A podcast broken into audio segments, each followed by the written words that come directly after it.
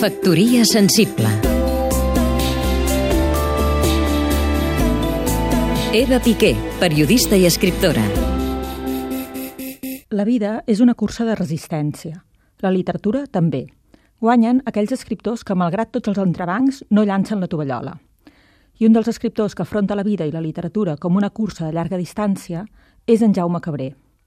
L'autor de Jo confesso escriu novel·lasses sense pressa. Fa 30 anys que publica la mateixa editorial i dedica tots els llibres a una mateixa dona, la Margarida. Amb Jaume Cabré ha triomfat, crec, la justícia poètica. Els mateixos que abans almenys tenien perquè havia comès el sacrilegi d'escriure guions a sèries de televisió han acabat admetent que és un autor molt sòlid. Però ell no ha deixat que l'afectin ni el menysteniment d'abans ni els elogis d'ara. Ell escriu cada dia sense falta – va treballant al seu ritme sense defallir. S'aboca en cada llibre com si li anés la vida. I al cap de 5 o 6 o 7 o 8 anys reapareix amb una nova criatura literària. Una nova novel·la cuinada a foc lent. Fa tres dècades que va començar a publicar edicions proa i no se n'ha mogut. Els editors han anat passant, però Jaume Cabré s'ha mantingut fidel a aquest segell.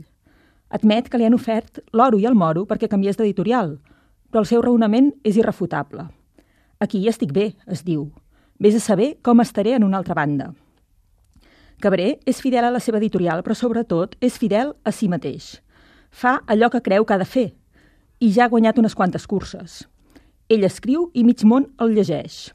Jaume, per molts anys de vida i de literatura. Factoria sensible Seguim-nos també a catradio.cat